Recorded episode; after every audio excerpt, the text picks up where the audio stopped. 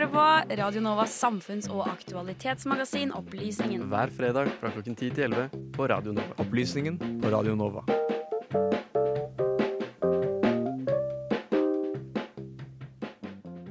Yes, eh, Hva er deres forhold til natur?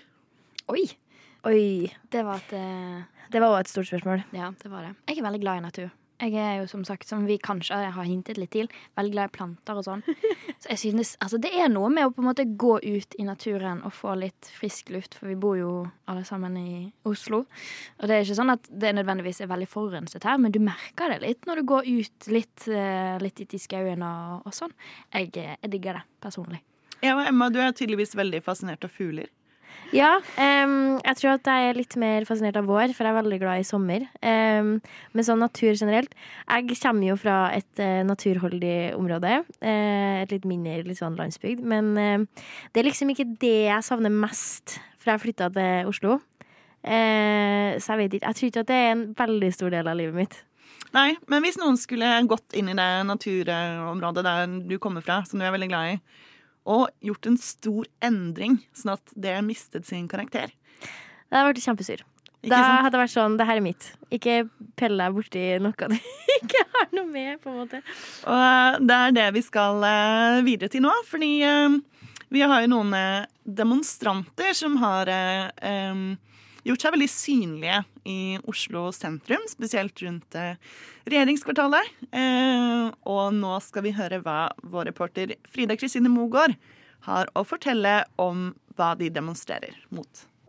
Mange har nok den siste uka sett flere bilder og nyhetssaker om demonstrasjonene mot Olje- og energidepartementet.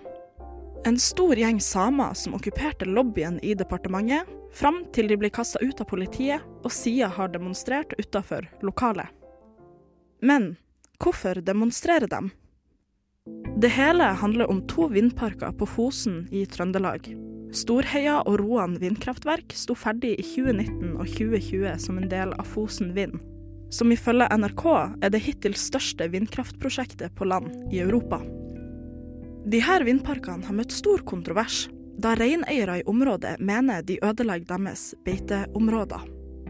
Det her krenker urfolket sin FN-beskytta rett til kulturutøvelse, fordi reindrift står nettopp svært sentralt i flere samiske kulturer. I oktober 2021 fikk de her reineierne medhold i Høyesterett. Enstemmig avgjorde de at samene sine rettigheter var krenka. De viste tilbake til lagmannsretten sin avgjørelse, som sa at rein erfaringsmessig unngår områder med vindturbiner, og dermed gjør reindriften på Fosen trua på sikt.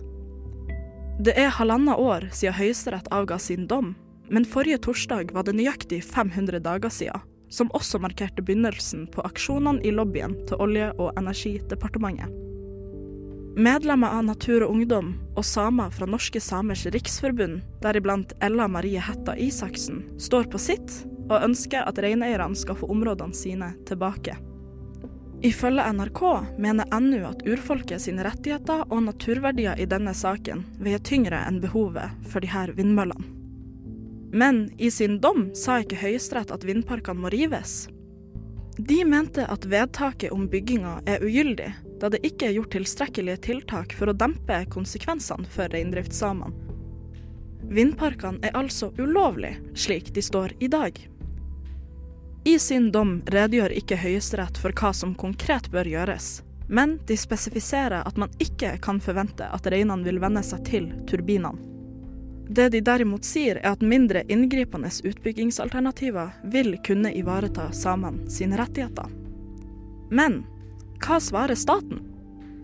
Ettersom Høyesterett ordla seg slik at reindrifta er trua på sikt, har staten tolka det her som at vindparkene ikke utgjør et pågående menneskerettighetsbrudd, og at de derfor kan ta seg tid til å finne ut hva de skal gjøre videre.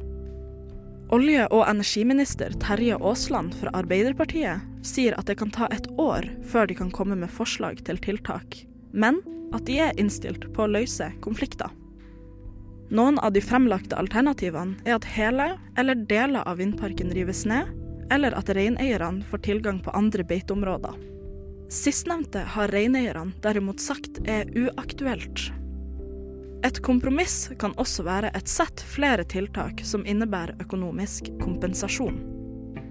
For aksjonistene er det derimot kun ett alternativ som gjelder.